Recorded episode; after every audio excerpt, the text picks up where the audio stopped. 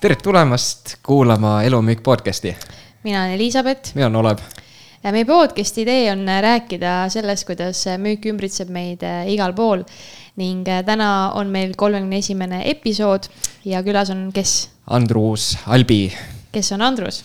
Andrus on üks äh, Eesti müügimaastikul kindlasti üks väga legendaarne müügiinimene ja. treener. ja treener, et ta on kokku mitu aastat ta raamatuid müüs? kaksteist suve. kaksteist suve käis, koputas ukselt ustele Ameerikas ja mis on väga äge fakt, on see, et kõikide kahesaja viiekümne tuhande inimese seast, kes on raamatuid müünud, on siis äh, Andrus oma tulemustelt seitsmendal kohal siis müügimahu poolest. mis on mega äge ja alates kaks tuhat kuusteist on ta siis äh, olnud Southwestern Consulting ust, kus meil on ka varasemalt käinud esinejaid, aga tema on siis selle nii-öelda Euroopa eh, divisjoni eh, juht ja, ja aastate jooksul on ta tegelikult treeninud ja koolitanud siis sadu ja isegi võib-olla tuhandeid müügiinimesi ja juhte mm. -hmm. ja need ei ole ainult nagu raamatumüügi valdkonnas, vaid üldse Eestis, noh näiteks või Euroopas on, ma ei tea, ekspordis, IT-s tegutsevad, auditis, mis iganes valdkonnas, et ütleski, et tänaseks ei ole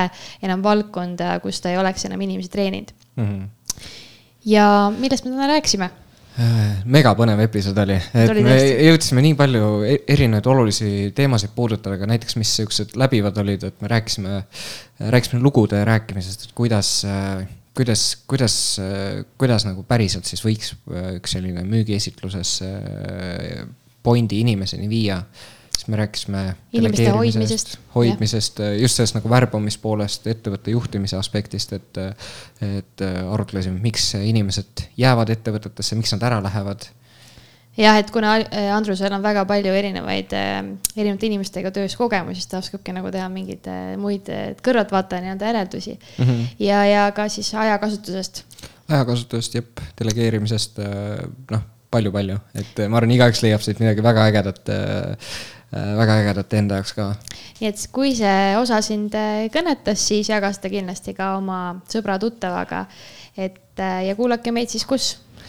kuulata saab Spotify's, Apple podcast'is ja igasugustes muudes platvormides ka, et nii, et elu on müük ja kuula seal, kus sulle mugav on. ilusat kuulamist. head kuulamist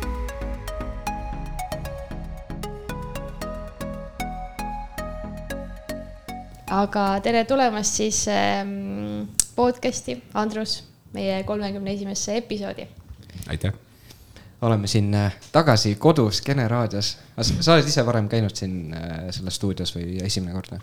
Mind ei ole kunagi genialistide klubi tagatuppa lubatud ma ka eestoas ei ole väga palju käinud, see hipsterite koht on natukene, mu abikaasale meeldib, meeldis sinna ülikooli ajal väga, mulle, mina ei tea, ma olin mm., ei olnud päris minu koht, aga jah, siia tahatuppa ei ole mind kunagi kutsutud, et, et nagu päris äge. ega me ka veits üllatusime, kui me alguses siia tulime esimesed korrad, aga ma arvan, sissejuhatuseks räägi lihtsalt äh, kiirelt endast, et mis su, mis su taust on, kust sa tuled, äh, mis sa, mis sa teinud oled ja, ja mida sa teed? nüüd teed? kust ma tulen ähm,? ma olen Lääne-Virust pärit maapoiss, sealt tulen äh,. siis ma tulin Tartusse äh, õppima ülikooli ja siis noh, mu kõige suurem taust on see, mis on laialt tuntud, on see, et ma käisin raamatuid müümas samamoodi nagu paljud teised, et äh, esimesel kursusel läksin seda tegema Äh, esimesel aastal olin päris vilets selles, aga teisel aastal hakkasin natukene paremini tegema ja ma ju suutsin selles nii heaks saada, et ma lõpuks muutus see mu sihukeseks nii-öelda siis karjääriks, et, et kokku lõpuks kaksteist aastat müüsin raamatuid kahekümnendast kolmekümne teiseni, et kolmekümne teisel aastal, meil videot täna ei tee, aga mul juukseid väga palju ei ole, et siis ma alati ütlen, et. et kolmekümne kahe aastasena nagu enam üliõpilasena väga läbi ei saanud, et ma ukse peal ütlesin, et ma olen recent graduate, eks ju, et. et ja selle peale üks ema mulle päriselt ütles ka, et nagu, et kui recent sa oled, et sa näed nagu kolmkümmend viis välja, et nagu. et sa pole enam üliõpilane nagu, nagu valid point, eks. et ja siis ja siis pärast raamatumüüki me tegime siukse lühikese kiire tripi Jussa, läksime sinna päris elama ja mõtlesime, et me jäämegi sinna elama, aga mul seal üldse ei istunud ja siis me tulime ruttu tagasi. pärast seda viimased kuus aastat, siis ma olen Southwestern Consulting ehk siis treenin ähm, müügijuhte, müügiinimesi, ettevõtete juhte. meie see nišš, mida me teeme põhimõtteliselt on siis inimeselt inimesele kommunikatsioon, et nagu kui sa oled müügiinimene, kes peab oma idee ära müüma, sa oled juht, kes peab oma töötajatele idee ära müüma. sa pead, oled äh, ettevõtja, kes peab investoritele idee ära müüma, et ma alati ütlen, et kui sa tahad, et miljon inimest App Store'is su äppi alla tõmbaks, siis mina ei oska sind aidata nagu. aga mm kui, kui sul on vaja minna mingile tegevjuhile ära selgitada, et sinu meeskond on parem, sa oled väärt rohkem raha. selles on vähe ettevõtteid, ma arvan, maailmas, kellel on rohkem know-how'd, kuidas seda hästi teha nagu mm nii et siis viimased kuus aastat ma olen seda teinud, ma olen siis ainukene Euroopas, Euroopa partner. Äh, meil on praegult Eesti, Läti, Leedu, Soome, Šveits ja Itaalia. aga jah, ja siis eesmärk on, nagu vist intros ilmselt ütlesid, et äh, eesmärk on seda kasvatada.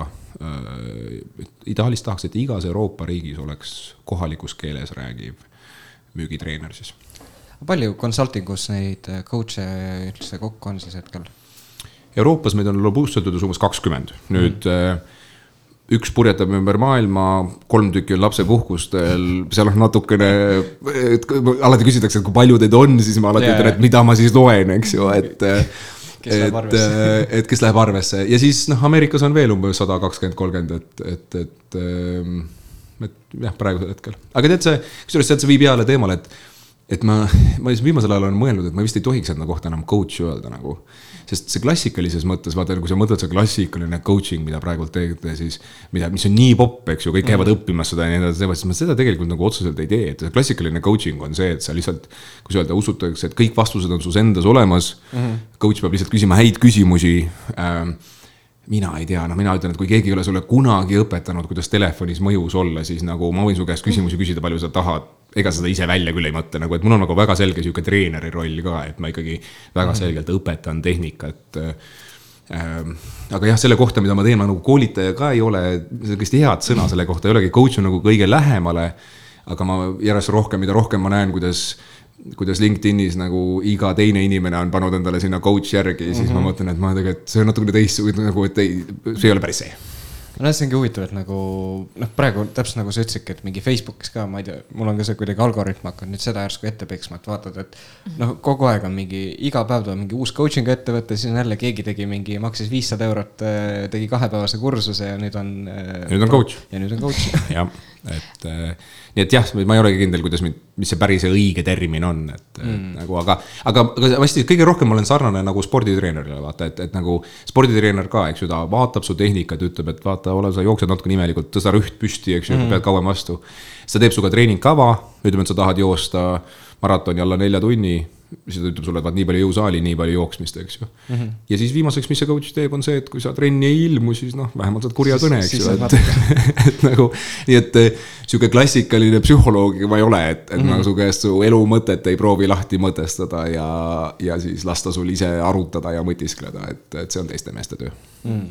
see on huvitav, sa just vastasid mu küsimusele, et miks peaks siis üks juht või müügiinimene endale coach'i võtma või nüüd mitte coach'i, vaid treeneri võtma, nii et ma sain sellele just vastuse ka yeah.. aga mis sa, mis sa, mis sa oskad öelda, et nagu nüüd olles kuus aastat neid juhte ja, ja nii-öelda müügiinimesi, mitte nii-öelda, vaid treeninud, et mis, mis on need kõige suuremad nii-öelda väljakutsed tänapäeval äh, inimestel Eestis? tead, ma tunnen, et ähm, oi, on lai mõiste nagu ähm,. et see tööd on ikka palju, äh, selles mõttes, et äh, ma tunnen, et müügis on hästi palju ka nagu kuidas öelda, siukseid müüte ja möödarääkimist, et, et nagu ma arvan, et inimesed ei saa täpselt aru, väga tihti peetakse klienditeenindust müügiks, et ma näen väga palju inimesi, kes on siis nii-öelda müügiinimesed ähm,. mul on olnud ka treeningus mõned neist, kes ütlevad, et nagu, aga Andrus, nagu kui nad tahavad osta, siis nad ostavad ja kui nad ei taha osta, siis mida mul siin teha on nagu. ja, ja siis ongi et nagu, et siis sa ju ei ole müügiinimene, siis sa oled sekretäri neiu, kes võtab selle tellimuse vastu, kui see inimene tahab tellida, eks ju, et. et ole müügiga mitte mingisugust pistmist nagu. nii et eh, siis on nagu noh, ma alati, mulle meeldib tuua seda näidet, ma olen mõnes teises podcast'is ka seda öelnud, et. et, et inimesed saavad müügist valesti aru, et neile tundub, et müük on see, et kas sa suudad müüa või mitte aga mina alati ütlen, et kui sul on vähegi normaalne toode, siis midagi sa ju müüd ikka ära, eks ju, et, et nagu -hmm. sa võid kõiki asju valesti teha ja kui sul on normaalne toode, siis keegi ikka ostab, eks ju. küsimus ei ole selles, kas sa müüd või mitte, küsimus on, kui palju, kui lühikese ajaga.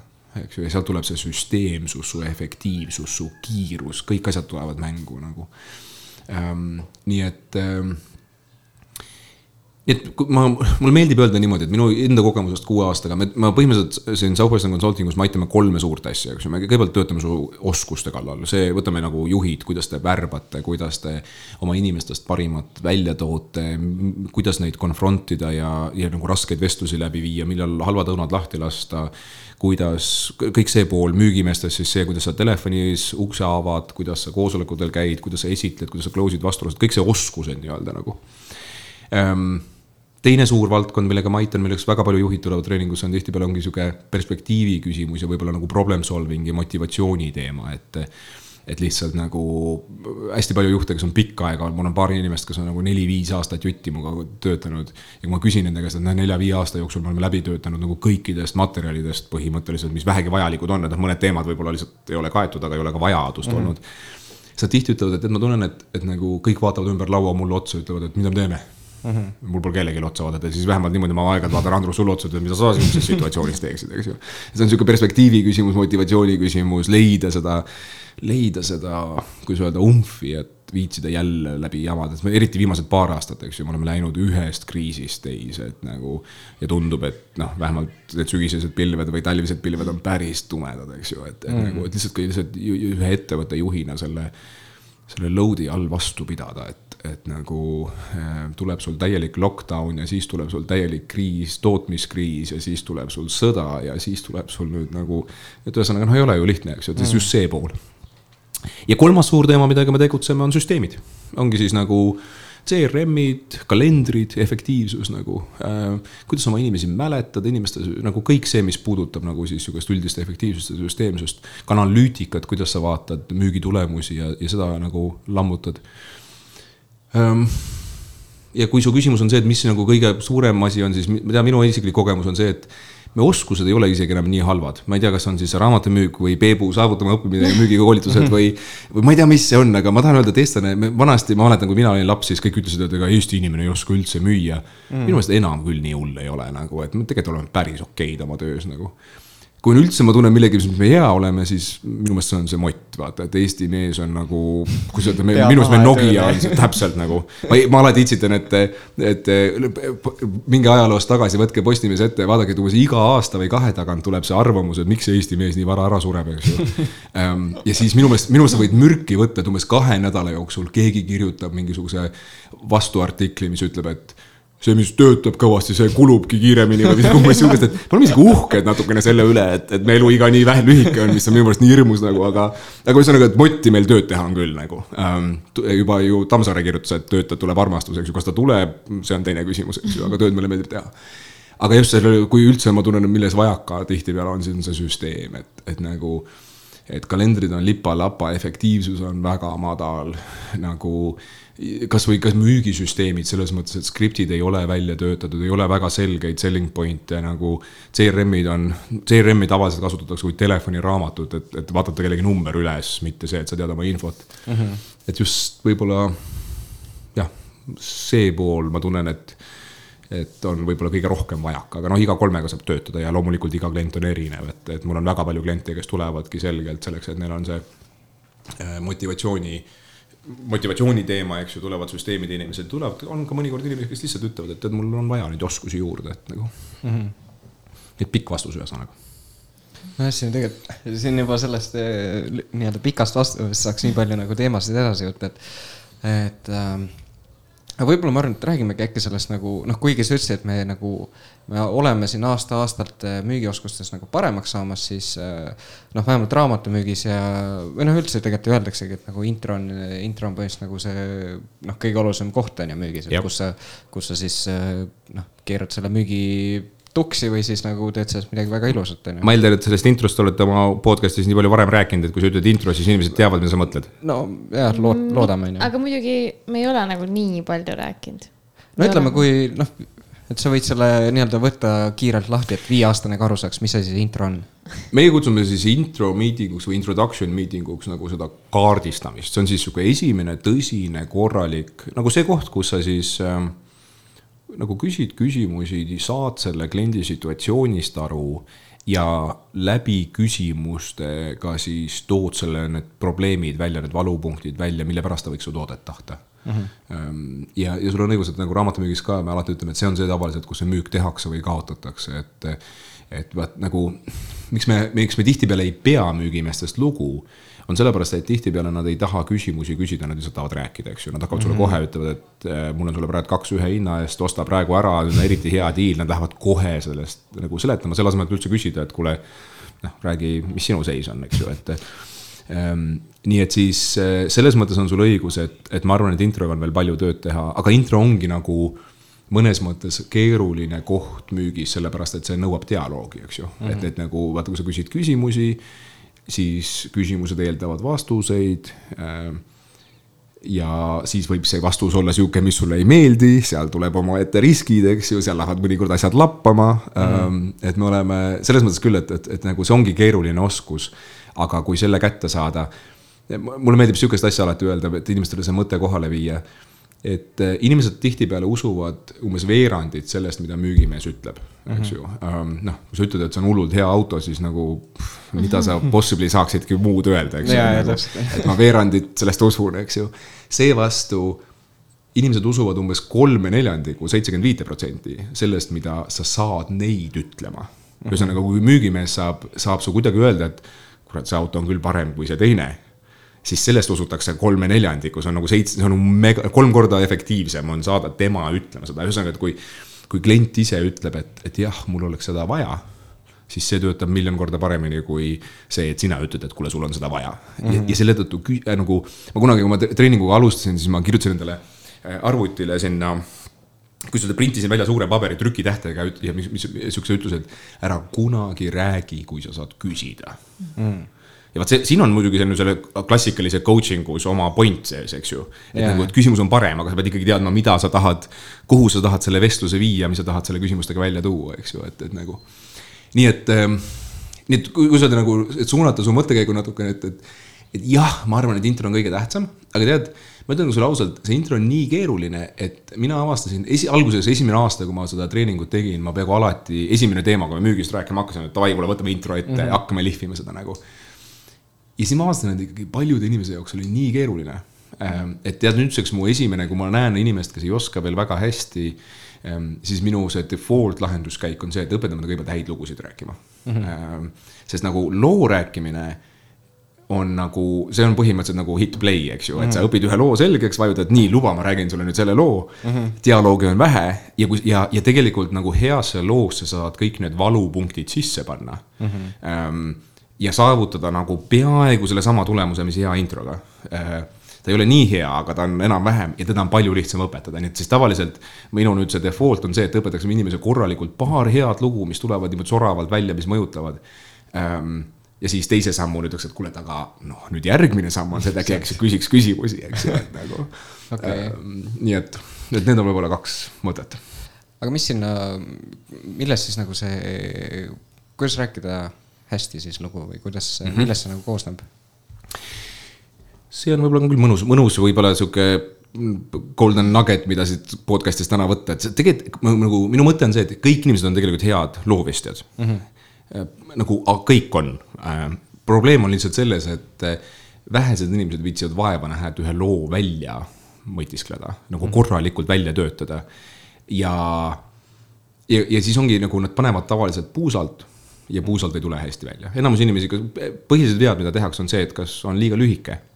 nagu inimesed tihtipeale ajavad segamini nagu loo ja fakti, eks ju, et nagu ma ei tea see on, mis ma toon hea näite nagu, et, et mul oli üks klient, eh, keda ma hullult aitasin mm. -hmm. see ei ole lugu, see on fakt. jah, nagu lugu läheb detaili sisse, milline see klient oli, kuidas sa teda aitasid, sa teed selle põnevaks, eks ju mm. -hmm. see on liiga lühike.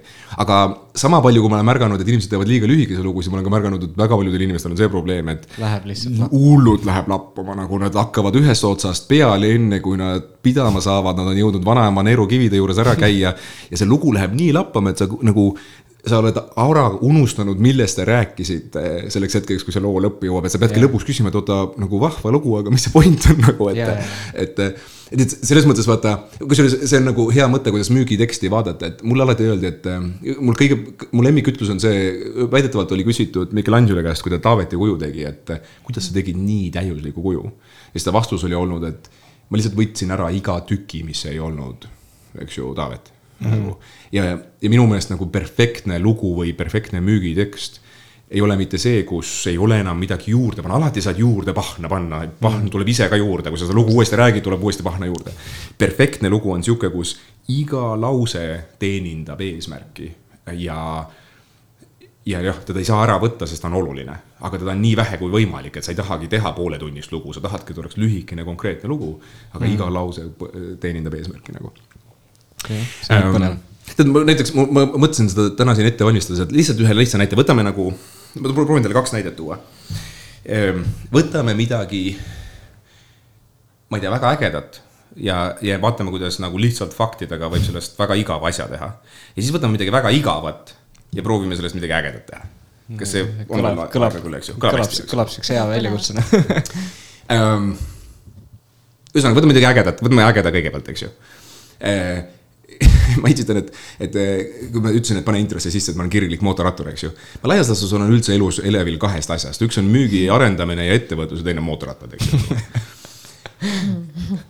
ja minu jaoks mootorratas on nagu, nagu noh, et a la, kui te olete usklikud, siis mina tahan öelda, et, et jumalal oli hea päev nagu, kui ta mootorratta tegi, eks ju, nagu.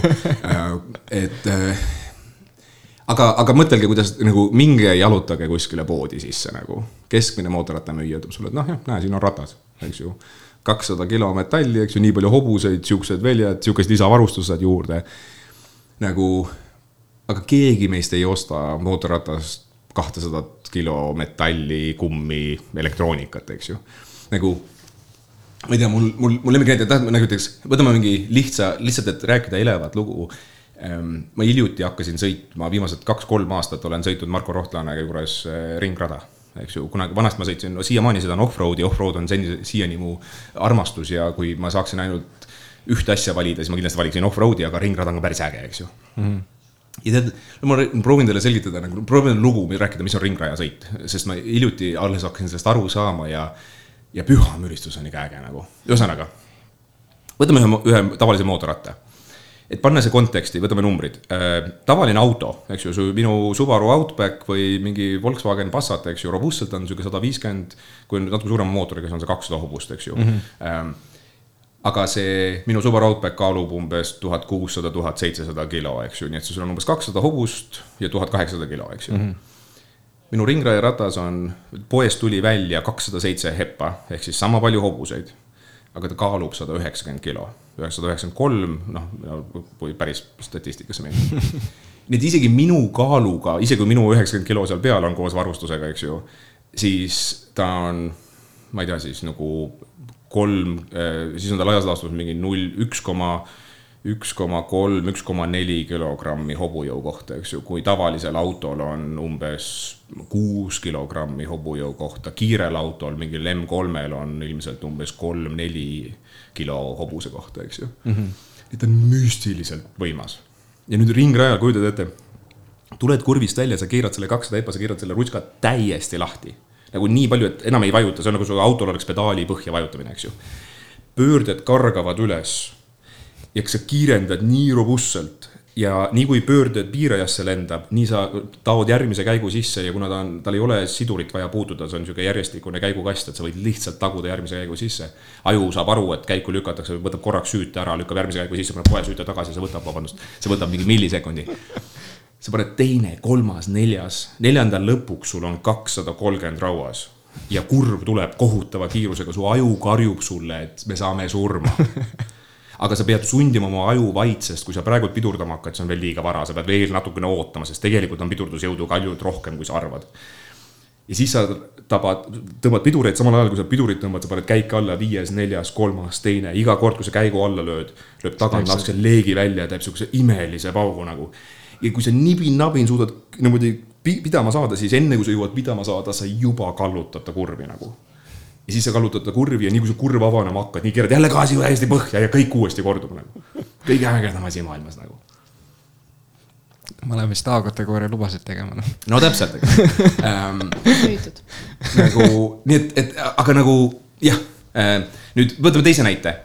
võtame natukene samal teemal, aga teistmoodi, võtame midagi kohutavat igavat, näiteks näiteks mul, mu lemmiknäide, mida alati tuua on, võtame ABS pidurid autol, eks ju. puhas elektroonika, täiesti tavaline nagu, mis ABS pidur teeb faktiliselt, ta takistab rattal kõva pidurduse all äh, siis loob blokeerumast, eks ju mm -hmm., seetõttu sul säilib kontroll auto üle, pidurdustee tihtipeale on lühem ja kontrollitum, turvalisem on lihtsalt, eks ju mm. -hmm. igal autol on see robustselt öeldes mingisugusest kaheksakümnendate lõpust, üheksakümnendate algusest, põhimõtteliselt kui see on tänapäevane auto, siis on tal ABS pidurid olemas, eks ju võib-olla üheksakümnendate alguses tegelikult, ma ei ole päris kindel selles faktides, aga kuskil seal. no nüüd Venemaal saad jälle ilma, ilma nendeta osta. no täpselt, jah, nüüd saad jah see on lisavarustusena saad sa delete ida ABS-i ähm, nüüd minu lemmiknäide, jällegi keegi ei ole sellest erutatud, tavaline tehnoloogia, eks ju mm -hmm., ja samas ma, miks mulle meeldib see näide tuua, on sellepärast, et kui paljudel, ma ei tea, meie IT-ettevõtetel, noh, lihtsalt, et vaata, mootorratast on nii lihtne rääkida, sellepärast et nagu ta tõesti pakub elamust, eks ju. aga nüüd kujuta ette, et sa müüd mingisugust CRM-i, mingisugust tarkvara lisa, noh, no lihtsalt ei saa, ei ole leeke sumpsist välja lendamas, eks ju, sul on nagu väga päris igav toode, eks ju. hea lugu teeb selle ikka põnevaks mm. -hmm. minu lemmiknäide. Äh, ühesõnaga, ma läksin, äh, mu ema pani mind kooli seitsmeaastasena, eks ju, natukene hiljem, ähm, sest ma olin enneaegne laps ja nii edasi. nii et ma olin keskkooli lõpus, üheteistkümnenda klassi lõpus, mul oli, olin kaheksateist ja mul olid load. ja mu isa andis mulle Siguli kakskümmend üks null kuue, Lada kakskümmend üks null kuus, eks ju. kes on noorem generatsioon, guugeldage äh, Lada kakskümmend üks null kuus, eks ju äh, autode kohta on palju öelda, ta rohkem oli masin nagu mm, -hmm. et äh, neljakäiguline manuaal. ma just nägin ühte tänaval, tal oli, tal oli pandud klaasi peale, et Siguli sõidab sajaga küll, hirmus on, aga hakkama saab. ja täpselt nii oligi nagu, et neljanda käiguga saja peal oli sihuke tunne, et mootor lendab kohe õhku nagu um, aga ma olin kaheksateist, see oli mu esimene auto. Äh, ta oli kõik, mida ma kunagi olin unistanud, eks ju. Äh, ma kutsusin teda Mašaks, noh, vene tüdruk, noh, vene tüdruk Maša. ja, ja tema siiamaani mäletan, ühel hommikul, see oli siis mingisugune aprilli varajane hommik, läksin kooli, nüüd ma elasin ainult kilomeetri koolist, aga noh, sul on Maša, siis sa ei jaluta ju kooli, eks ju. no muidugi. Äh, ja, ja ma keerasin hommikul siis sealt hoovist välja sihuke pilt ilus hommik niimoodi, et metsa taga päike tõuseb, ma olen maalt pärit, eks ju, et, et nagu sihuke nagu metsa tagant imeilus päike. ja sõidan siis kooli poole. ja millest ma aru ei saanud, oli see, et eh, tänu sellele, et oli nii ilus hommik, oli öösel olnud öökülma mm,. väike väike must jää oli peal, eks ju mm.. ja nüüd minu kooli ees on ülekäigurada ülekäigurajal oli üks väike laps, sinna oli üks auto seisma jäänud ja sellel hetkel, kui mina hakkasin aeglustama, sellel hetkel läksid kõigepealt tagarattad luhasse, siis läksid esirattad luhasse, natukene keeras auto viltu ja ma lohisesin selgelt sinnapoole, eks ju. nüüd hullult viisakas oleks must öelda, et kõik, mis ma mõtlesin, oli see, et sellele väiksele, mina sõidan selle autole otsa, see väike tüdruk sõidab, see auto sõidab selle väikse tüdrukule otsa, eks ju tunnistan ausalt nagu keskkoolis, nagu ma mõtlesin kahest asjast, ma rõhun Maša ära ja teine asi on see, et ma lõhun Maša ära keskkooli ees. saad aru, mul ei, ma ei, ma ei kuule selle lõppu mitte kunagi nagu, eks ju. ja jumal tänatud, nagu Maša esipumper ja teise auto tagapumprist võib-olla oli kümme sentimeetrit vahet, no igal juhul me kokku ei puutunud, kuidagi natukene vildakalt, aga ta seisma sinna jäi nagu ja see tüdruk läks üle, see auto sõitis ära, minul käed värisesid, ma keerasin hoovi ära nagu. aga püha müristus ma oleks ABS-i sellel hetkel tahtnud mm.. vot see on see, mida ABS pidurid teevad, eks ju. Äh, kumb ägedam, kas see fakt, et ABS pidureid või minu Maša lugu, eks ju, nagu. et selles mõttes vaata nagu hea lugu paneb inimese kaasa mõtlema nagu ta, seda probleemi välja tooma, eks ju. see nagu imeb su nii sisse ka sinna. imeb nagu su sisse ongi ja vaata, faktid on igavad, keegi ei viitsi fakte kuulata, kui su ema ütleb sulle, et Olev, luba, ma nurgin sulle mingid faktid, eks ju mm., siis sa tead juba, et ma olen teises suunas, eks ju mm. -hmm. aga juba lapsest saadik, kui su ema-isa ütles sulle, et luba, ma räägin sulle ühe loo. siis nagu... me nõjatume ette, eks ju. hea lugu on, hea loo eelis on see, et isegi kui sa seda lugu oled kuulnud, ta on ikka hea lugu. tahad ikka kuulata ikka tahad kuulata, eks ju. nagu, kes on vaadanud, ma ei tea, nagu seda stand-up komöödiat viiendat korda, sa tead ju pojanti, eks ju mm., ikka on naljakas nagu. et äh, mina esitlen vaata sales school'is, ma käisin kaksteist aastat seal Ameerikas Nashville'is siis esimesel nädalal müügikoolis, eks ju mm.. meie kompanii president Dan Moore tuli kaksteist aastat, tegi ühte sama loengut, aga kuna see oli nii naljakas mm., siis ma mäletan, kuidas ma viimastel aastatel nägin eriti vaeva, et ma just sellel hetkel auditooriumis oleks, et seda uuesti kuulata, sest see oli nagu nii hea nagu mm.. et, et, et, et vaat nii, et nii et see on mul see mõttekäik, et minimaalselt võiks see müügimees teada oma toote kohta paart äge, paari ägedat lugu, millist situatsioonist ta kasulik on, millest ta aitab ja nii edasi nagu, et ähm,. ma ja. küsin võib-olla siia vahele, et vaata, värbamine on ka ju nagu müük, on ju, et, et ma olen ise nagu täheldanud, et et näiteks on, käid küll raamatumüüjast, et müügitööd, siis nagu ja siis alguses kui hakkasid värbama nagu Eestis, siis sa ikka alguses introt skip imas, nii kui hakkasid introt tegema, siis nagu läksid ka tulemus paremaks. ja ma olen nagu ise täheldanud, et nagu saad inimest oma vajadust ise rääkima, nad ostavad selle idee ära, ise nagu noh, räägivad ära, et kas siis on ka vaja nagu lugu sinna sisse tuua. ma olen, ma nagu, ma olen toonud, aga vahepeal ma tunnen, et kui ta juba ise räägib endale, müüb, et kas siis on ka vaja nagu selles mõttes, et, et jällegi, kui sa, kui sa juba saad ta rääkima ja see yeah., ta toob selle nii hästi välja yeah., siis ei pea, eks ju, aga sellisel juhul, aga ikkagi vaata, vaata, ma tegingi nagu nüüd kahte tüüpi lugusid, eks ju yeah., et vaata, Maša lugu tõi välja mure eks mm. ju. ma tõin nagu selle, selle koha, kus sul ABS-i oleks vaja, kui ohtlik see on ilma selleta, eks ju, ja. Ja ongi, kui, kui see inimene ei taha nagu su toote point'ist aru saada siis seda tüüpi lugu on nagu rusikas silmaauku, eks ju. Mm.. nüüd sinu küsimusele, et kui ta juba ise toob välja, et mul on seda vaja ja nii edasi noh, siis, siis see lugu, mida sa võiksid rääkida, on rohkem nagu see ringraja lugu, eks ju, kus iseenesest ei ole nagu seda valu, aga sa lihtsalt räägid, kui äge see koht on, kus ta mm -hmm. töötab, eks ju.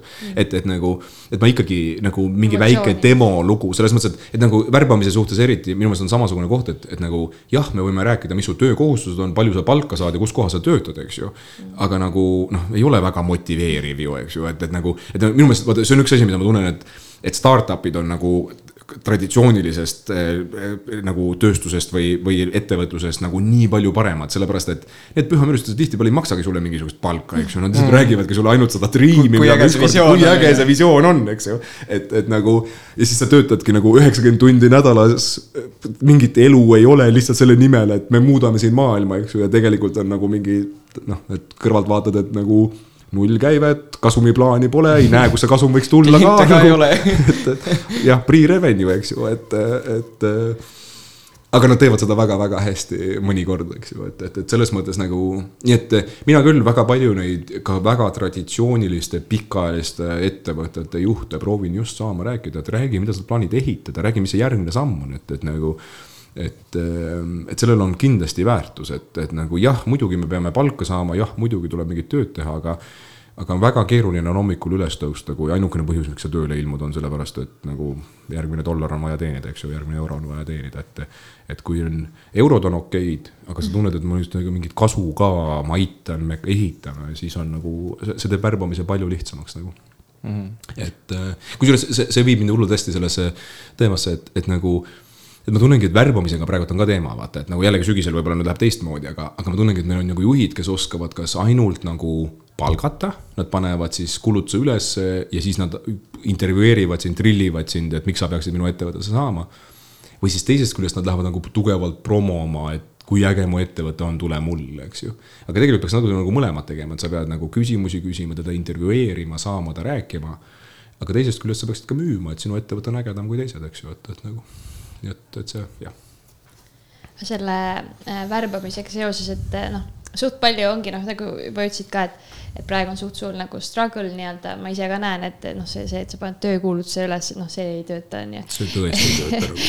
et aga ja, ja üldse nagu üha rohkem ju on probleem minu arust meil see ikkagi see tööjõu voolavuse teema on ju, et noh, et inimesed äh, lähevad, people come and go nii-öelda, et mis sinu nagu siuksed võib-olla näpunäited, mis sa oled nagu ise õppinud nagu nii-öelda müü-, nii-öelda juhte näiteks treenides ja nii edasi, et kuidas siis hoida häid inimesi uh,? head küsimused. nüüd ma alati ütlen, et sul on täiesti õigus, nagu praegusel hetkel toidukulutuse ülespanek nagu, kui sa praegusel hetkel Eesti Vabariigis oled töötu, no siis tahad ju olla töötu, et, et, nagu et aga samas ma mõtlen, et noh, kes teab, äkki talvel muutub, eks ju, et ma kujutan ette, et päris mitmed äriplaanid, arvestades seda, kuhu me sisendite hinnad lähevad, võib-olla enam ei kata ja, ja meil on võib-olla natuke teine situatsioon, et et ma isiklikult natukene ootan isegi seda, selles mõttes ma vaatan, et ikkagi nagu täitsa käest ära on läinud, et, et tulevad lapsed, kellel pole mitte mingisugust kogemust ja küsivad kaheksa tuhat palka, eks ju, et, et sul on nagu, et, et kust kohast, kust mm -hmm. maailmast te elate nagu, et. et selles mõttes, aga noh, teisest küljest on hirm ka, et, et mis sealt siis tuleb, eks ju. nüüd, kuidas inimesi hoida, vaat siin ongi see, et et eh, mina tunnen, et me jällegi oleme hästi traditsioonilised, me tihtipeale vaatame puhtalt, et nagu, et nagu, et palju sa raha teenid, eks ju, palju sa tunde töötad, palju sul puhkust on. siis sinna juurde pannakse nüüd minu meelest eriti jällegi nagu IT-sektor on seda hästi run inud, et nüüd räägitakse hästi palju sellest töökeskkonnast, eks ju, et ikkagi sul oleksid nagu snäkid ja. ja Coca-Cola ikka alati saadaval ja, ja, ja minu meelest on hästi äge selles mõttes, et nagu, et osta oma inimestele osta oma inimestele Coca-Colat ei maksa suurt, nagu kui sa võtad palgakulu, siis see ei maksa mm -hmm. mitte midagi, eks ju, et, et nagu. et ma ei tea, saja euro eest kuus sa joodad terve või no ma ei tea, võib-olla natuke rohkem, eks ju, aga paarisaja euro eest kuus sa joodad terve oma seltskonnale Coca-Colat nii palju, kui neil suhkruvett sisse läheb, eks ju. meil on. et no täpselt, aga, aga kui sa, ma ei tea, mis sa seda ära jood seal, eks ju, et isegi kui sa jood kahekümne, kolmekümne euro jagu, kui ma panen sulle palgafondi kolmkümmend, nelikümmend eurot juurde. maksud maha, noh, sa ei pane tähelegi, et, et sa kolmkümmend euri juurde said, see ei anna mitte mingit motivatsiooni, eks ju, et mm., et nagu nii, et siis see on see pool. aga minu meelest, kui sa nüüd küsid, et mis see kõige rohkem veel puudu on, minu meelest on just see nagu see personaalne suhtlus juhi ja inimese vahel, eks ju, et mina vaatan niimoodi, et juhi ülesanne on arendada oma inimesi ja aidata neil oma eesmärke saavutada, eks ju, et, et nagu meil kunagi raamatumüügis alati ütlesid, et kui sa aitad piisavalt paljudel inimestel oma eesmärke saavutada, siis sinu eesmärgid täituvad mitmekordselt, eks ju mm. -hmm. ja see on meil tihtipeale puudu, et, et meil väga palju juhte vaatlevad puhtalt seda, et noh, ma maksan sulle ju töötundide eest, tee oma töötunde, eks ju, et, et aga kui nad, noh, ühesõnaga väga suur asi, mida ma treeningus teen, on see, et ma panen oma, ma need juhid rääkima, nagu tegema üks-ühele vestlusi, tegema lihtsalt personaalseid vestlusi oma inimestega, küsima nende käest, et kuule, räägi, kus sa oled nagu. nagu kui õnnelik sa oled, mille, mis, mis su eesmärgid praegult on, mille üle sa pingutad, mis kodus tahaksid, tahaksid suuremat kodu, tahad mingit reisi, tahad endale Porsche't, eks ju. nagu kuhu poole sa pingutad nagu. Ehm, saa neid, saa neid nagu tundma ja teadma. et äh, et ma tunnen, et nii paljud eh, nagu juhid, kuidas öelda, et päris, kuna ongi tööturul on nii raske seis, siis ma tunnen, et osad juhid on nagu, mulle meeldib küsida, et, et nagu kas mõnikord oled öösel üleval ka, kui sa mõtled, et see inimene võib, eks ära minna, et äkki konkurent proovib seda tüüpi ära kangutada, eks ju. ja mul on olnud mm. juhte, kes selle peale vastavad, et olen küll, et, et nagu ja siis mul väga tihti treeningus, viimane, siin see nädal just üks, ähm, üks IT-ettevõtte juht Skandinaaviast, keda ma treenin juba aastaid. Tema ütles selle kohta, et, et Andrus, et mulle tundub, ma ei ole kindel, kas see tüüp on motiveeritud nagu. ja ma kardan teda kaotada nagu. mina olen nagu, et kas sa oled teda küsinud ta käest või tema nagu, et kui sa nii ütled, siis ei ole nagu äkki läheks küsiks lihtsalt nende käest, et kuule, räägi mulle, kus sa oled, ma ei tea, ühest kümneni, kümme on see, et see on kõige ägedam töö maailmas ja üks on see, et kui ma päris aus olen, ma olen saatnud viimased aasta-kaks tööpakkumisi igale poole, keegi tahab mind palgata, eks ju, et nagu. kus sa selles skaalas oled nagu, kuidas ma su kõrgemaks saaksin, eks ju, et nagu. Et ähm, juhid tihtipeale vastavad sellele, et neil ei ole aega mm. -hmm. aga mina alati ütlen, et nagu palju aega kulub, et uus top producer üles ehitada et nagu, et, et selles mõttes see kulu, noh, värbamises, vähemalt nende värbamisettevõtetega, kellega ma Ameerika Ühendriikides töötan olen teinud, nemad alati ütlevad, et ühe inimese värbamine maksab ta aastapalga. et mm -hmm. nagu, kui sa mõtled mitte ainult siis nagu värbamiskulu, aga lihtsalt onboard imiskulu ähm,. et kui sul on nagu kolmetuhandene töötaja, maksud sinna juurde, see on no ütleme siis neli pool, viis tuhat kuus, see on kuuskümmend tuhat aastas nagu. sellel hetkel, kui su see top inimene ära läheb, see on miinus kuuskümmend tonni kohe, eks ju, et nüüd nagu. et kui sa võtaksid ja, ja nagu tuua teile teisi näiteid. mul oli üks Ameerika, Ameerika klient, kes, kellel ähm, ühesõnaga konkurent tuli ja pakkus ta inimesele paremat, rohkem raha mm, paremat meeskonda, paremat tehnikat nagu põhimõtteliselt kõik oli parem. ja see tüüp ütles ei.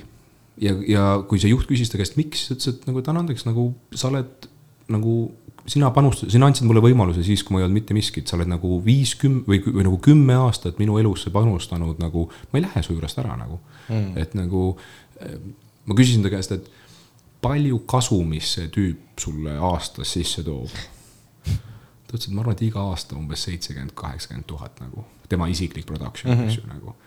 et siis vähemalt sellel juhil kaheksakümmend tuhat dollarit aastas saab ta kasumit selle eest, et ta käib lõunal selle mm. tüübiga, küsib ta pere kohta, uurib tema kohta, aitab, kui on vaja mm. -hmm. nagu, et, et selles mõttes see ähm, et kui küsida, mis ma tunnen, et Eesti juhtidel on päris palju puudu, ma tunnen, et see pool, et, et nagu me tahame seda HR-ile välja delegeerida mm. -hmm. ja, ja HR saab sellega mõnikord aidata, aga aga noh, lihtsalt on vahe, kas HR tuleb minuga rääkida või tegevjuht tuleb minuga rääkima, eks ju, et, et selles mõttes nagu mina selle, sellele IT-juhile, kellega ma eelmine rääkisin, tema kodune ülesanne oli teha nimekirja inimestest, kelle kaotamine oleks valus.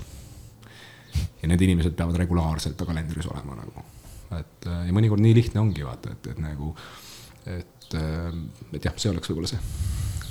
See on küll väga hea point jah mm., et see nii-öelda päriselt ka huvitumine, sest ongi tegevjuhi poolt, kui nagu, et see läheb, ma arvan, inimestele väga korda mm. -hmm. Mm. ja see ongi vaata, annaks ma selle yeah. vahele, et, et ma tunnen, et mida rohkem, mida rohkem me heaolu ühiskonnale läheneme, eks ju, mida rohkem Eesti rikkamaks saab, seda tähtsamaks see läheb, sellepärast et vaata, rahaga on täpselt nii, et nagu seda on vaja nii kaua, kuni sul nagu, mulle meeldib see, see oli ühest USA sellest äh, äkki oli Gladwelli raamatust või kuskil oli see, et, et, et õnn, USA uuringu järgi, et õnn läheb üles kuni seitsmekümne tuhande dollarini aastas mm. -hmm kuskil oli see, ma pean selle midagi sihukest jah, ja siis sealt edasi põhimõtteliselt. sealt edasi ta flatline ib ja siis mingil hetkel läheb isegi alla natukene, et minu arust oli niimoodi, et seitsmekümne tuhandeni aastas USA tingimustes õnn läheb selgelt üles, noh, selles mm. mõttes, et sa saad endale lubada asju, mida sa muidu ei saa endale lubada. Yeah aga siis seitsmekümnest kuni vist kolmesajani ta suhteliselt flatline ib, et nagu noh, sul on ilusam auto, sul on ilusam kodu, natuke nägemad puhkusereisid, aga Muud sa ei ole õnnelikum nagu ja kolmesajast kuskilt edasipidi isegi väidavad, et natukene alla minema, miks ta alla läheb, on sellepärast, et. sugulased hakkavad raha küsima sugulased hakkavad raha küsima, sinu, vaata su sissetulek hakkab sõltuma igasugustest dok-, nagu aktsiatest ja igasugustest muudest asjadest rohkem kui su enda töö, sul ei ole kontrolli oma asjade üle nii palju enam. ja just sugulased hakkavad küsima, ma mäletan, see näide vist oli seal see, et et vaata, kui sa oled keskklass ja su laps tuleb su juurde küsima, et, et isi, ma tahaks hobust, eks ju. sa mm. vaatad talle otsa, ütled, et kalli Jana, andeks nagu, nagu ei, noh, meil, meil ei ole raha, me ei saa seda kuskile panna ja nii edasi. sa teenid kolmsada aastas, siis sa sõidad Ferrari'ga, su laps tuleb, ütleb, et sa käid Porschega tööl, loomulikult meil on raha, et hobune osta, sa pead lapsele seletama, miks sa ei taha hobust. Versus miks sa ei saa endale lubada hobust, eks ju. et see teeb olukorra natuke raskemaks nagu ähm,. aga ühesõnaga, et, et nagu see on siis USA tingimustes seitsekümmend, ma pakun, et Eestis on see võib-olla, ma ei tea, viiskümmend enne makse, ma ei tea, kus piir võiks praegusel hetkel olla, eks ju. aga ühesõnaga mu mõttekäik on selles, et et nii kui sa oled üle sellest, ma pakun, et ma ei tea, mu kõhutunnetuse järgi ma võin jumala mööda olla, aga ma pakun, et kui sa oled üle sealt umbes kolmest, kaks, kaheksa, ma ei tea, mis iganes, kuskil seal kolme tuhande juures, ma arvan, et jookseb see piir. lisaraha ei anna sulle õnne enam mm.. ja, ja siis ka mott kaob ära, sellepärast et noh, mul juba on nagu, mul on juba kõik, mis ma tahtsin, me, me, nagu mina tunnen, et minu põlvkond ka nagu nagu ma olen nii palju rikkam kui mu vanemad, vaata mm. -hmm. et, et nagu see koht, kus ma tulen ja kui ma võrdlengi sellega, mis mul on, siis mul on natukene häbi isegi, natukene mõtlen, isa hauas mõtleb, et ostsid jälle ühe mootorratta, et nagu, et nagu, et, et, et seda nagu lisaraha otseselt enam ei motiveeri ehm, ja siis hakkavadki seda tähtsamaks muutuvad need, kui sa lähed sinna ja pakud talle veel rohkem raha, siis see otseselt ei lahenda probleemi, sest ta tegelikult otsib seda, et ma tahaks teha midagi tähendusrikast, ma tahaks aidata kedagi, ma tahaks ettevõtet ehitada, ma tahaks, et. et nagu mu pere oleks õnnelik, ma tahaks nagu, kõik need teised väärtused hakkavad rohkem kandma nagu. ja ma tunnengi, et me oleme nagu selles kohas natukene kinni, et juhid ei taha sellest aru saada, et, et nagu, et see, et sa tõstad ta palga nagu loomulikult, kui sa tõstad ta palga kahelt tuhandelt või kahe tuhande kaheksasajalt kolme kahele nagu noh, loomulikult on tänulik, eks ju, aga see otseselt ei anna sulle seda umfi juurde, et oi küll, ma hakkan nüüd kütma, eks ju mm.. aga seevastu tundmine, et mul on juht, kes must hoolib, mu arengule pühendub äh,. nagu see on, no see on väärt vähemalt kahtekümmend, kolmkümmend protsenti palgast, eks ju, et nagu. nii et, et see on võib-olla see sisend mm. läksime mõnusasti, hästi kiiresti müügiteemadelt juhtimisteemadele, aga miks mitte? no see, see ongi siukse hea, hea podcast'i nagu kuidagi võlu nii-öelda. Lähme flow'ga, eks ju. lihtsalt, lihtsalt, lihtsalt kuhu, kuhu nagu välja jõuame, et aga samas tegelikult vaata üks asi, mis ma nagu kirjasin, panime ka, et see on võib-olla nagu noh, nii-öelda nende inimeste küsimus, kes ongi nagu juba mingil määral veits edukamad või nagu, kelle nagu aeg on selline väärtuslikum, et. et siis aga nagu noh, pigem tundub, et sa delegeerid nagu hästi palju Aha. asju edasi, et eh, väärtustad väga palju oma aega, et nagu. Mis on nagu sinu nagu soovitused inimestele, et, et nagu kus inimesed oma aega kaotavad või kus nad nagu sihukestesse lõksudesse satuvad uh,? väga hea küsimus, oh sa, sellest võiks eraldi tunni või kaks veeta mm.. Um, tead sa, minu meelest ongi aeg on nagu see eestlased on väga halvad oma ajakasutuses mm -hmm. ja, ja ma ise ka vaata, see ongi selle, et me oleme, ma tunnen, et me tuleme natukene sellest noh, ongi tulemegi nagu, ma toon selle võib-olla lihtsalt enda näite, eks ju, et, et ma tulen perest, kus mul mõlemad vanemad olid kohaliku omavalitsuse omavalitsuses, eks ju. meil olid leib laual ja riided seljas, me ei olnud nagu vaesed eks ju mm., aga, aga noh, näiteks, et järel, nagu mul jalgratas osteti järelmaksuga, eks ju, et nagu seda, et ema lihtsalt ostab jalgratta, seda ei olnud, eks ju, et, et nagu ja seetõttu mu isa õpetas mind erakordselt kitsiks. et nagu öelda, et ei, ei, noh, me ei larista raha niimoodi täie rauaga nagu. ja raamatupüügis ka, kusjuures raamatupüük minu meelest üldse ei aidanud sellega, sest raamatupüügis ma mäletan, kuidas meile öeldi, et, et ei, Andrus, nagu on, on kulutused, mida sa peaksid tegema ja siis on nagu inglise keeles on sinful expenses, eks ju, et sa kulutad mingi, nagu eesmärk oligi, et tudengid teeniksid nii palju raha, kui nad saaksid, eks ju mm.. Ähm, aga ma tunnen, mina viisin selle teise äärmusesse, kus nagu noh, ongi, et, et ma alati itsitan, et kui ma USA-st tagasi kolisin, siis ma. ma pakun, et ma otsisin endale perele autot mingisugune hea kaks kuud, eks ju ja ja ma nägin, nagu ma tõesti käisin kõik, mul oli vaja head saada head diili, eks ju, nagu ja siis ma käisin ja käisin ja käisin. Ja lõpuks saingi, ma sain jumala hea diili nagu. Äh, ma müüsin, ostsin auto ja müüsin ta põhimõtteliselt viis aastat taga, edasi sama raha eest maha, et nagu hullult hea diil oli laias laastus mm. aga kui ma mõtlen, et see kolm, kaks-kolm kuud, mis ma sinna sisse panin, arvutan, mis mu tunnipalk on ja palju sinna energiat läks, siis odavam oleks ilmselt olnud salongist lihtsalt minna ja võtta üks, eks ju, et mm, et nagu ähm,. et ühesõnaga see minu peamine mõte, mis ma alati tahan treeningus inimestele öelda, on see, et, et vaadake oma aega ja nii, nagu te vaatate oma raha. -hmm. ja minu meelest isegi aeg on tähtsam kui raha, sellepärast et aeg, raha saab alati juurde teenida, aga aega juurde ei saa. mure on lihtsalt selles, et sa tead, palju sul raha on mm, -hmm. sul pole õrna aimu, kui palju sul aega on. Ähm, aga vastus on see, et peaaegu alati on vähem, kui sa arvad, eks ju, et, et nagu keegi kunagi või noh, ma ei tea, mul oli Äh, abikaasa vanaema oli üheksakümmend peale ja tema ütles küll, et mul on kopp ees, aitab küll, eks ju, aga, aga enamus inimesi noh, ei, ei ole selles kohas, eks ju, et nagu um, nii et ähm, ja nüüd, kui sa vaataksid oma aega nagu raha, noh, et mulle meeldib hullult seda arvutuskäiku teha, et, et näiteks. ma, ma tihti juhtidega teen seda, kui teie ka, eks ju, nagu ja proovige nagu, ühesõnaga. ütleme nii, et sul on mingi asi, mida sa teed iga päev viis minutit mm, -hmm. eks ju, lihtne asi, viis minutit nagu ma ei tea, vaatad pangaseisu, vaatad aktsiaid, vaatad, äh, ma ei tea, mis iganes, viis minutit iga päev. Facebooki vetsupoti peal. nii, ja ütleme nüüd, et sul võtaks kolmkümmend korda rohkem aega, ehk siis kolmkümmend korda viis on sada viiskümmend minutit, ehk siis kaks ja pool tundi. et õpetada keegi teine välja seda sinu eest tegema või siis ära automatiseerida niimoodi, et sa ei, et mingi asi teeks seda automaatselt, ütleme, et see on automatiseeritav asi. kumba sa teeksid? No eks oleneb tegevusest, vaata mõni on sihuke nagu meeldiv tegevus, mis sa tahad teha. täpselt, eks ju, ja pluss sa praegu, sa saad aru, et see on praegu trikiga küsimus no,, eks ju, et, et nagu loomulikult nagu vastus on, aga enamus inimesi nagu lihtsalt, et ma väga palju juhte, kui ma küsin nende käest, ütleb, et kuule, Taru, see on viis minutit mm.. kus ma võtan kaks ja pool tundi, no ma teen ruttu ära, eks ju mm., ma teen ruttu ära selle viis minutit ja ma olen tehtud sellega nagu mm. -hmm. Aga võtame niipidi, see viis minutit iga tööpäev keskmises aastas mingi kakssada kakskümmend tööpäeva. Ähm, sa veedad, see on tuhat kakssada, ma mäletan seda Excelit, see oli tuhat kakssada viiskümmend minutit aastas mm. -hmm. veedad sa siis iga päev viieminutilist task'i tehes, eks ju. ja nii et tuhat kakssada viiskümmend minutit, see on siis, mis on kakskümmend tundi, eks ju, põhimõtteliselt üks öö, üks ööpäev või kolm tööpäeva mm -hmm. aastas sa teed seda asja, eks ju.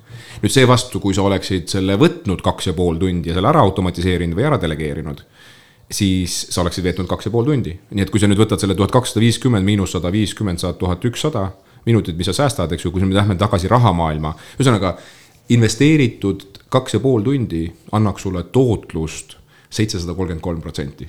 Mm. eks ju, sa investeerid sada viiskümmend minutit, tagasi saad tuhat ükssada, eks ju. noh, nüüd, kui ma teile kahele siin ütleks, et kuule, too mulle nagu sada viiskümmend tonni. ma annan sulle üks koma üks milli aasta lõpus tagasi Läheks, läheks küsima. isegi sul ei ole, sa leiaksid mulle homseks sada viiskümmend tonni, eks ju, nagu. siis vastupidi, sa vaatad otsa, et kuule, see ei ole seaduslik, et mis värk on, eks ju, nagu see oleks su elu kõige parem investeering üldse nagu hmm.. rahaga me teeksime seda iga kell, iga kord, ilma mõtlemata. Hmm. ajaga, ah, vahet pole, viis mintsa nagu. nii et eh, mu lemmiklugu, mida rääkida Äh, ma siiamaani mäletan, see oli mu kolm, teisel aastal, kui ma treenisin ja ma olin, ma olin treeningkõnesse hiljaks jäämas ja mu MacBooki oli vaja ekraanide ja internetikaablidega, mul oli vaja ta sisse logida, eks ju, nagu et, et panin MacBooki, hakkasin ruttu nagu ma olin juba minuti hiljaks jäänud ja mul oli vaja neid sisse äh,, sisse logida. ja sellel hetkel, kui ma hakkasin sisse logima, sellel hetkel taivoh, see voolujuhe jooksis laua alla, eks ju. vandusin, ronisin nelja käpukele sinna laua alla seda kuradi voolujuhet taga ajama, eks ju. ajasin ta sealt välja, jäin veel kolmkümmend sekundit hiljaks, eks ju mm. -hmm ja siis ma hakkasin mõtlema, et see voolujuhe Raive kaob mul nagu, kas ta kukub või ta tuleb kotist võtta või ta tuleb sinna panna, noh suht iga päev, eks ju nagu ja ma tegin selle sama arvutuskäigu ära, ütleme, et ma võidan kolmkümmend sekundit päevas seda juhet sinna taga ajades, eks ju. kolmkümmend sekundit päevas ma arvutasin välja, see on aastas üks koma kaheksa tundi. nagu kaks tundi oma elust aastas, ma istun nelja käpukil kuradi laua all, eks ju, nagu, vabandust mu sõnavara pärast nagu. noh äh,, nüüd.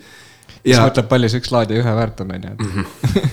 Äh, sellel hetkel järgmise, kui ma selle arvutuskäigu ära tegin, samal hetkel ma helistasin Martin Mutikule Valgel Klaaris ja ütlesin, et palun saada mulle üks lisa Maci laadija, eks ju. ma tõin garaažist kahepoolset teipi, ma tõmbasin selle juhtme sinna laua külge niimoodi kinni, et see istub siiamaani seal nagu. nagu ähm, noh, aga see on täpselt see, et, et ah, vahet pole, noh, mis ma selle mhm. juhe, no ma hakkan laristama siin mingi Maci laadija on viiskümmend euri, vaata, et ma ei hakka viitekümmet euri kulutama, eks ju, aga.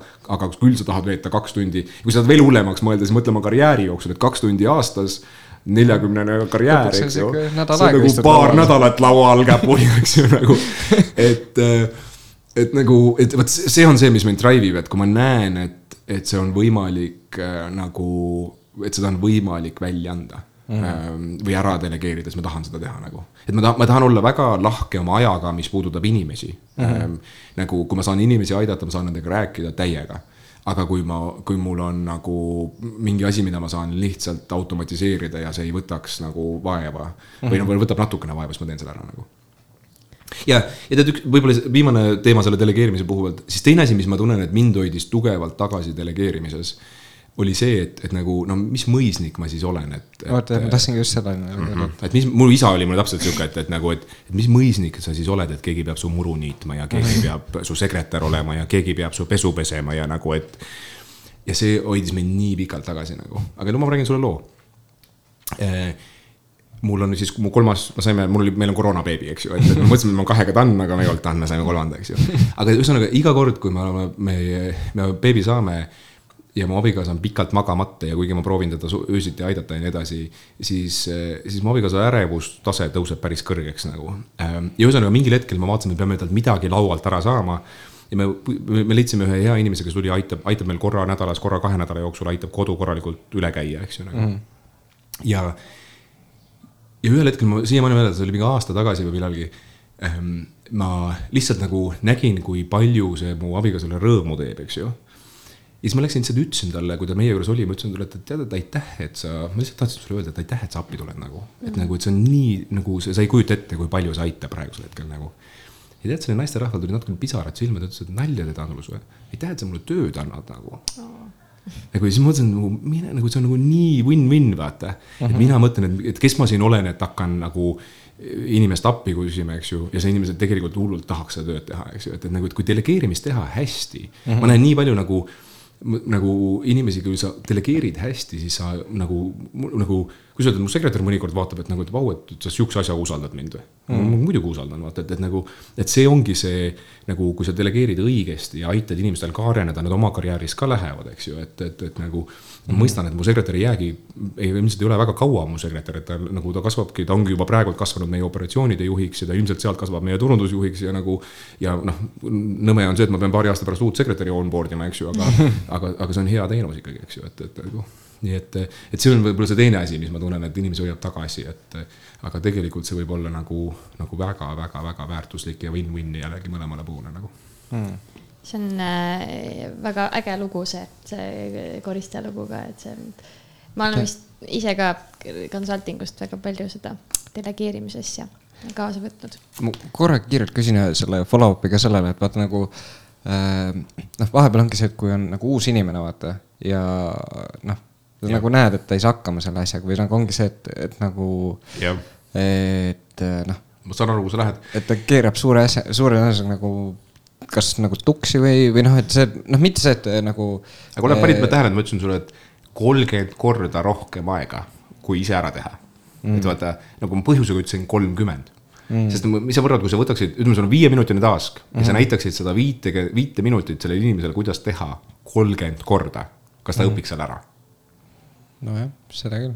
vaata, siin on, see on nii äge, et sa seda puudutad, et, et äh, nagu enamus inimesi ei kuku läbi mitte sellepärast, et nad on halvad inimesed mm. -hmm. vaid sellepärast, et juhid lihtsalt ei võta aega, et neid õpetada nagu. vaata mm, -hmm. siin on üks asi, mis meil psühholoogiliselt juhtub ähm, näiteks ma, ma toon teile selle mootorratta sõitmise, eks ju, nagu ma olen mootorrattas sõitnud viisteist aastat nagu mm. -hmm. ja ma olen pidevalt ajanud skill'i taga, et saada sellest paremaks nagu. ja noh, ma ei tea, kas ma nagu, ma ei saa öelda, et ma, ma ei ole kindlasti mingi kaugeltki, ei ole võitnud ühtegi võistlust, ma ei ole mingi mega hea mhm. selles, aga ma oskan mootorrattas sõita. ja siis ma mõnikord vaatan inimesi ja vaatan, et nagu kurat, no kuidas sa nii aeglaselt sõidad, no kuidas sa mm nii vilets selles oled nagu aga ma olen täiega ära unustanud seda, kui, kui halb mina või? olin viisteist aastat tagasi, nagu ma, ma olin nagu nii halb, et see ei olnud isegi naljakas mitte nagu, nagu, nagu mm. nüüd tagantjärgi vaadates mõtlen, et nagu häbi on mõelda selle peale nagu. aga mm. mul on olnud viisteist aastat aega trenni teha eks ju, samamoodi müügiga, ma olen nagu see müük ju nagu, mul väga tihti inimesed ütlevad, et Andrus, aga sul on see lugude rääkimine nii lihtne nagu. Yeah. Ma olen seda freaking kakskümmend aastat teinud mm. nagu ja ma pluss selle Maša loo kirjutasin välja, õppisin pähe, ega see nagu, mis te arvate, ma puusalt panen seda lugu mm, -hmm. eks ju, et, et nagu ähm,. et, et nagu sa, sa unustad ära, kui palju sa ise pidid vaeva nägema, et selleks heaks saada, sest võtage keskmine juht, kui ta on, kui ta on selles kohas oma elus, kus ta saab sekretäri endale palgata mm. -hmm. ta on seda tavaliselt teinud kümme aastat nagu ta on kümme aastat lihvinud, ta teeb nii palju asju, kuidas öelda, alateadlikult õigesti. Yeah.. nagu lihtsalt on, see ei ole tegelikult see, et ta nii andekas on, ta on lihtsalt kümme aastat seda lihvinud, ta nagu, tal kõhutunne on nii õige, sest ta, sest ta on seda kümme aastat teinud. ja mm. siis ta räägib sellele inimesele ühe korra. Ja siis saad kurjaks, kui ta hakkama ei saa. kui ta hakkama ei saa nagu. Ja siis on nagu ja siis nad jõuavad sinna järeldusele, et kui midagi peab olema tehtud korralikult, siis mina pean seda tegema. Mm.. teate küll seda ütlust, eks ju ja siis, ja siis ongi ikaldus, siis sa mhm. suredki neljakümne üheksas aastaselt äh, infarkti ära, sellepärast et, et nagu sa ei võtnud aega, et kedagi õpetada, sa pead kõike ise elus tegema, sa oled kogu aeg, ma alati ütlen, et. et kui sa ei õpi delegeerima ja inimesi arendama, siis sa tegelikult ei loo ettevõtet mm. -hmm. sa lood endale töökoha sa küll maksad endale makse ja see võib-olla maksab head palka, eks ju mm. -hmm. aga kui sa ei ole õppinud inimesi arendama ja tege-, delegeerima, siis sul ei ole ettevõtet, sul on töökoht mm, -hmm. sest ilma sinuta see ettevõte kaob, kaob ära, siis ta ei ole ettevõte. et ähm, nii et, nii et vot see on see mõttekäik, et, et nagu, et võt-, tuleb aega võtta, noh, kolmkümmend korda mm -hmm. nagu, aga ongi kakskümmend viis korda räägid talle, kuidas seda viieminutist task'i teha, muidugi viskab kopa ette nagu yeah.. aga sa võtad aega. Ähm, ja enamus inimesi ei vaja kolmekümmend korda, aga. nojah, et isegi. aga arvutuskäigu jaoks võid ja, ja -hmm. isegi kui sa võtad kolmkümmend korda siis on seitsesada kolmkümmend kolm protsenti tootlust, eks ju mm. -hmm. nii et noh, isegi siis on see nagu nii kasumiga projekt igatpidi, no isegi kui sa võtaksid viiskümmend korda, sa oleksid ikka kasumis yeah,. Yeah. et nagu, et igatpidi on kasum sul on ikka kõik välja arvutatud aga no see aitab kinnitada seda fakti või nagu, et see ongi see, tekib. ma treenin ka väga palju eh, in, nagu insenere, vaata. no nagu, sealt tuleb see juurde. ja, ja ma pean suutma oma fakte tõestada, et, et nagu vaat siin ongi see vahe, vaata. mis mina tunnen, et raamatumüügis oli see, et vaatasid seda tudengile otsa, ütles, et tee lihtsalt, noh, ole õpetatav ole piisavalt rumal, et olla õpetatav, vaata, et nagu. aga nagu, kui sul on mingisugune tippinsener seal vastas, kes tahaks müügis natukene paremaks saada, siis mm. ei saa talle öelda, et kuule, et ole õpetatav natukene, proovi järgi vaata, et. loogiliselt ära põhjendama, et mm., et nagu jah mm.. väga vinge, me peame vist vaikselt kokku tõmbama, siin äh, saab juba see aeg täis, aga. teeme ühe, ma loodan no,, et sa ei pahane, tahaks ühte, ühe kiire teema veel korra läbi närida, et äh,. vaata, sa käisid hiljuti ka see äh,, oota, mis see oli see KPMG aasta ja. konverents on ju. ja, ja noh, üldse see, et. kolmekümnes juubel, KPMG-l oli kolmkümmend aastat Eestis nagu, et äh, ma, ma tahan öelda, mul on alati respekti inimeste vastu, kes ükskõik mida on abielus olnud kakskümmend aastat, on ettevõtet ehitanud kakskümmend, kolmkümmend aastat, et nagu mm, -hmm. et äh, nii. aga, aga põhimõtteliselt, mis ma nagu uurida tahtsin, see, et üha rohkem nagu eestlased ja üldse inimesed käivad erinevatel nagu konverentsidel, seminaridel, asjadel on ju, et, et nagu kui äh, ja noh, vaata, et, et nagu kui palju üldse inimesed, kes nagu ma ei tea, müügi või asjadega, ettevõtlusega tegelevad, nagu peaksid käima nendel ja, ja siis äh, et nagu noh, a la vaata, kui sul ongi näiteks mingi äh, tahad uut klienti saada, näiteks ütleme sinul, et, äh, et nagu kas sa lähed sellistele üritustele ka mingi konkreetse fookusega või, või mm -hmm. käidki nagu, et umbes, et nii, ma lähen nüüd kaardistada aastal ära, et seal on need üritused, ma pean seal kindlalt käima nagu. minu meelest nagu ma võib-olla nüüd olen otsekohene, aga ja liiga otsekohene, aga üritustel käimise peamine point on, endale liide genereerida, networking mm, -hmm. et mm -hmm. nagu ma noh, ma ei tea, nagu ma alati ütlen, et kui see teema, mida sa tahad paika saada, on nii lihtne, et sa kuuled sellest konna, korra konverentsil ja kohe lähed tegema, siis nagu elu oleks päris lihtne, eks ju mm, et, et nagu see on ka see põhjus, miks ma tunnen, et raamatu, raamatute lugemisest üksi ei piisa, et. et nagu oleks nii lihtne, et loed raamatut ja hakkab tööle, noh, siis oleks elu päris lihtne, eks ju. et ähm, aga mina käin konverentsidel, kui mul on liide vaja mm, -hmm. et, et nagu, et, et selles mõttes, kui mul on vaja uusi tuttavaid ja minu jaoks see kõige väärtuslikum on see kohvipaus, seal ma käin ringi, jagan mm -hmm. visiitkaarte, küsin nende kohta. teen paar sõna, lähen ilmun nende noh, ühesõnaga mm, -hmm. et, et puhtalt network ida lihtsalt nagu mm. -hmm. minu meelest see on see suur väljund. Connect'id siis LinkedInis ja pärast siis.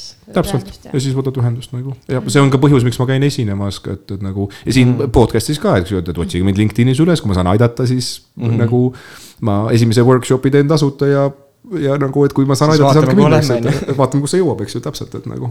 okei okay., aga on sul nagu mingi kindel nagu või noh, kuidas sa üldse inimest approach'id näiteks või kui keegi, kes ei ole seda varem teinud või mõtleb, et näed, ma peaks, ma ei tea, sinna järgmine aasta investeerimisfestivalile minna, aga ma ei ole nagu kuskil niimoodi inimest approach inud, et kas nagu, kuidas ta peaks nagu seda vestlust avama? tead, seda ei ole vaja üle mõelda, et mina läheks, ütleks, et tere, mina olen Andrus mm ja siis nad ütlevad, teeme, siis ütlevad, et äge, ma tahtsin teiega tuttavaks saada või ma teen sihukest asja, et, et nagu mm, -hmm. et see nagu, mis puudutab nagu kuidas telefonis inimeste tähelepanu saada või LinkedInis tähelepanu, seal on nagu tehnikat natukene no, rohkem, aga okay., aga konverentsil nagu eriti nagu Eesti tingimustes nagu, aga välismaal ka nagu, et kui sa lihtsalt lähed äh,. minu raamatumüügijuht Andres Märtin kunagi ütles, et hullult keeruline on ei öelda naeratavale idioodile nagu. ja mina siiamaani hoian seda meeles, et nagu, et oluline on see, et sa lihtsalt itsitad ja ütled, et tere, ma olen Andrus nagu mm.. ja vaheta Andrus ilmselgelt oma nime vastu, eks ju, igaks juhuks ütleb et mm et nagu seal ei ole nii, ta ei ole nii keeruline ja, ja lihtsalt ka võib-olla, et seda nagu eh,.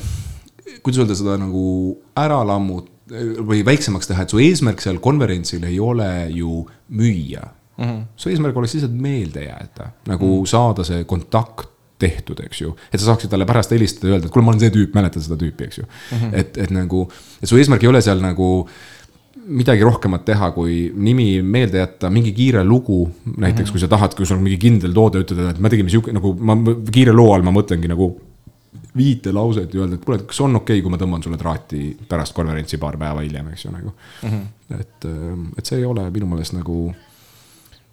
jah, selles mõttes ma tunnen, et see näost näkku telefonis töö, kõik see hakkab, see on nagu kaduv kunst natukene, et kõik mm. arvavad, et ma saadan LinkedInist emaili vaata või noh, tegelikult see on nagu nii palju lihtsam, et, et nagu.